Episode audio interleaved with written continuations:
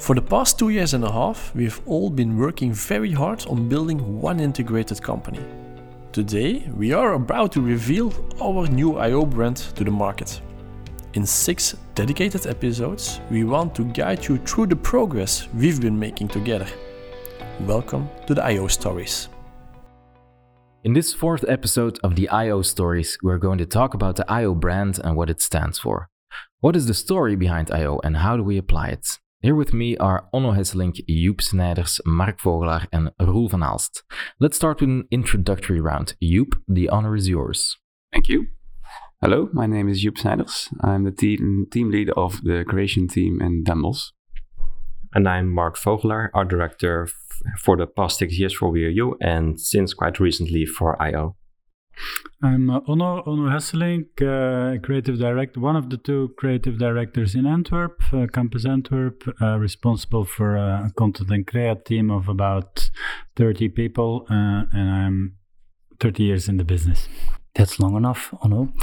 Um, that being said, I'm Roel, Roel van Aalst. I'm working on the communication, marketing, and the IO brand itself. Roel, a new brand, um, that's not something you built overnight, I assume. Uh, definitely not, Fred. Um, no, we started, at, I guess, uh, a year and a half ago, where uh, Peter gave a blank sheet of paper to uh, some volunteers to think about the future of the brand. Um, whereas at that moment, uh, been decided that it would be a new brand. Um, hence now uh, IO. Uh, we're very uh, happy uh, to have that one identity, one brand where we can all uh, look forward to. Uh, we're still in an early stage. It's a new milestone in our common project. It's not the only one, but it's a very important one and visible one that we realize. Um, so the the logo, the name is there. That's the starting point uh, for which I want to thank our Swedish colleagues, by the way, as well. Um, and now uh, today uh, we, uh, since uh, I guess three, four weeks, weeks or maybe a bit longer, we started the process of co-creation, meaning um, uh, various creatives all over our campuses are co-creating, collaborating on the new brand, making it um, mature each day, and that's where we are now. Onno, uh, as the most experienced brand maker at this table, um, how do you see the new brand IO? What does it mean for you? Well, for me, it's um, um, we've written the manifesto, and the outcome of this mani- new manifesto is infinite opportunities. Eh? That we see infinite opportunities, and for me, it all starts with uh, curiosity. Eh? Uh, if you if you if you look around you uh, uh and and and and put things uh, are preparing to put things upside down. Uh, if you if you try and do things differently, in the end you will get uh, surprising solutions. In fact, uh, and for me, that's that's the core of the new brand, uh, making making creative new stuff, surprising stuff. Uh, and if we if if if this is our thinking, um, then we're all able to create infinite opportunities, in fact, for our clients. Uh, and this is um, and this is not in only in the word cre- creative. I mean, it's also creative coding, it's creative copywriting, and it's also uh, we're being creative in the way of working together, uh, collaborations, uh, co-creating, uh, and what so on. So this is really for me. That's really the uh, the new the new brand, the new brand manifesto. Creativity throughout uh, the whole brand. Indeed.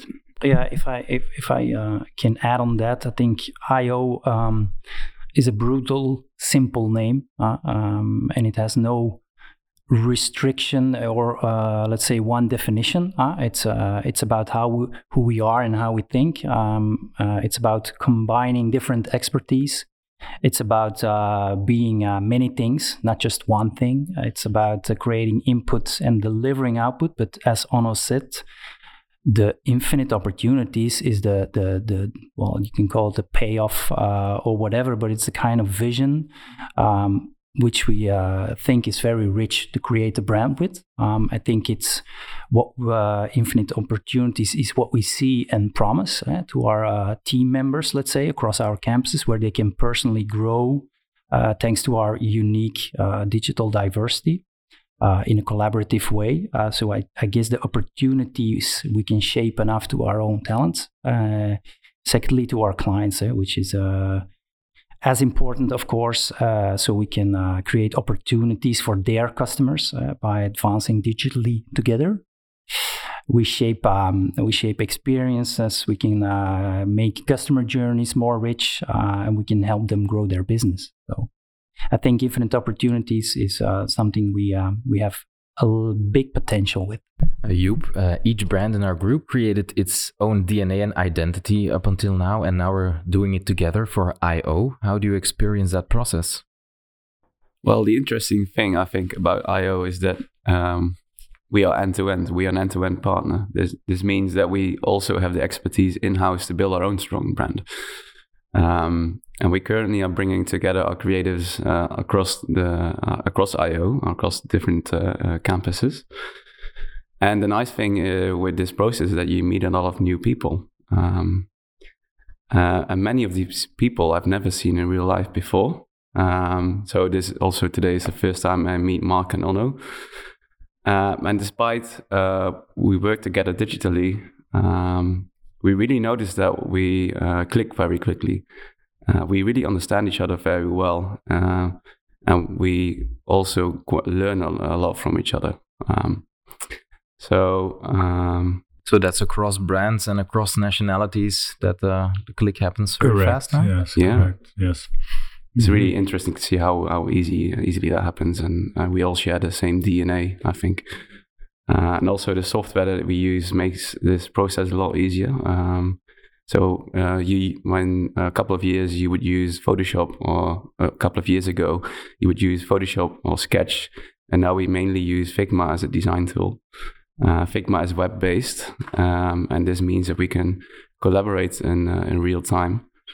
Um, so when Mark and Onno uh, and me are working together, we're working uh, in Figma in a, in a Figma project, and we can design real real time. Uh, we can de- design together and um, make design pro- uh, choices uh, uh, on the fly, basically. And what you see is that by doing this, you really create a higher level because you combine all the expertises from the different colleagues.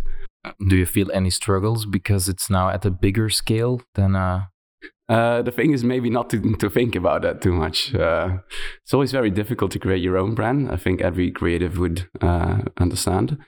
Um, but it's just um, what we what I think works well is that we just uh, the the the team that's working this project um, collaborates uh, together, and together we, we we just start creating and not think about too much what the scale is going to be. We just wanted it to be uh, as as good as we wanted to be. Yeah. It is funny though with with, with Figma that that because it's web based that you have a feeling that everybody's constantly looking over your shoulders. yeah. So so sometimes I'm designing and it's something this I see. is something in the beginning very uncomfortable because you can see the the, the mouse clicks going on their screen. Yeah. People oh, really? look, looking looking at your work, what you're doing. So that was quite a, a change nervous. for me. It's uh, yeah but you know yeah but it's also it's also good because you see you see constantly everybody's decision so if somebody has a suggestion to do it better even though yes. it's already been decided yes. Mm-hmm. somebody just sends you you you a message like I, got a better fund for you uh, you try it out together and it, it actually, actually works. happened huh? so yeah. yes yeah it actually happened it makes your work better eh? it's the different minds and uh, and that's something i wanted to mention too because we, of course we're like-minded people here now the creators or designers but even I, have worked with, with other talents in the group before people that are completely the opposite of what i do uh, uh, coding needs to be very precise and not uh, but also there uh, that i think that's that's our strength uh, combining those talents and that for me creates the infinite opportunities mm-hmm. so if i understand the the working remotely and working cross campuses and, and across divisions um, that's not really uh, a problem in creating no, this new on brand. On the contrary, in fact, yes it makes your work richer, I think, and it pushes you to make decisions and uh, and not fiddle around, but just advance. I think digitally together. Digitally together. Yeah. uh, Mark, Correct. Mark, you're helping to shape the brand guidelines and the new website. Uh, what are the principles there? What are you trying to achieve? Yes, what we're trying to achieve with uh, with the web design, actually all other designs, is is that we're trying to make the very abstract more concrete. Mm. So so we're, we're we're yeah probably for the past one and a half year we're talking with with a lot of fake words like like curiosity. It's a nice word, but what does it mean visually? Is it what color is it? What shape is it? What typeface is it? And if you all combine it together, you can still do many things. So what exactly is that that look and feel that fit, fits with curiosity or combining strengths or uh, creativity? Um, how does it look visually? So that's that's the main main challenge and the main thing we're trying to achieve. But that's actually going pretty well too. So yeah. I guess infinite opportunities, like the word itself, the words itself, kind of say that it's very difficult to express one thing. Mm-hmm. Yeah, true. It's infinite. Yeah. So how do you mm-hmm. visualize infinity? I never thought about it that way, but that's true. Yeah, with yeah. gradients. Mm, there are gradients. That there are true. some gradients yeah. there. Yeah. For me, it's also it's of course it's a visual uh, thing, but it uh, uh, copy copy will be a, a, very important next step to take because the language we speak also needs to represent this idea of uh, curiosity and and and our brand voice is uh, is the next step we need to uh, need to take. We're working on that as we speak. Could you maybe explain a bit um, for our listeners what the brand voice is? Okay, well, um, in the first place, I think we have uh, we are we uh, we are speaking client focused. Eh? It's not about us. Eh? It's about what we can do for our clients. Eh? It's it's and what we can create for them. Eh? And then the tone of voice, in my opinion, uh, will be or needs to be very concrete and and, and action driven.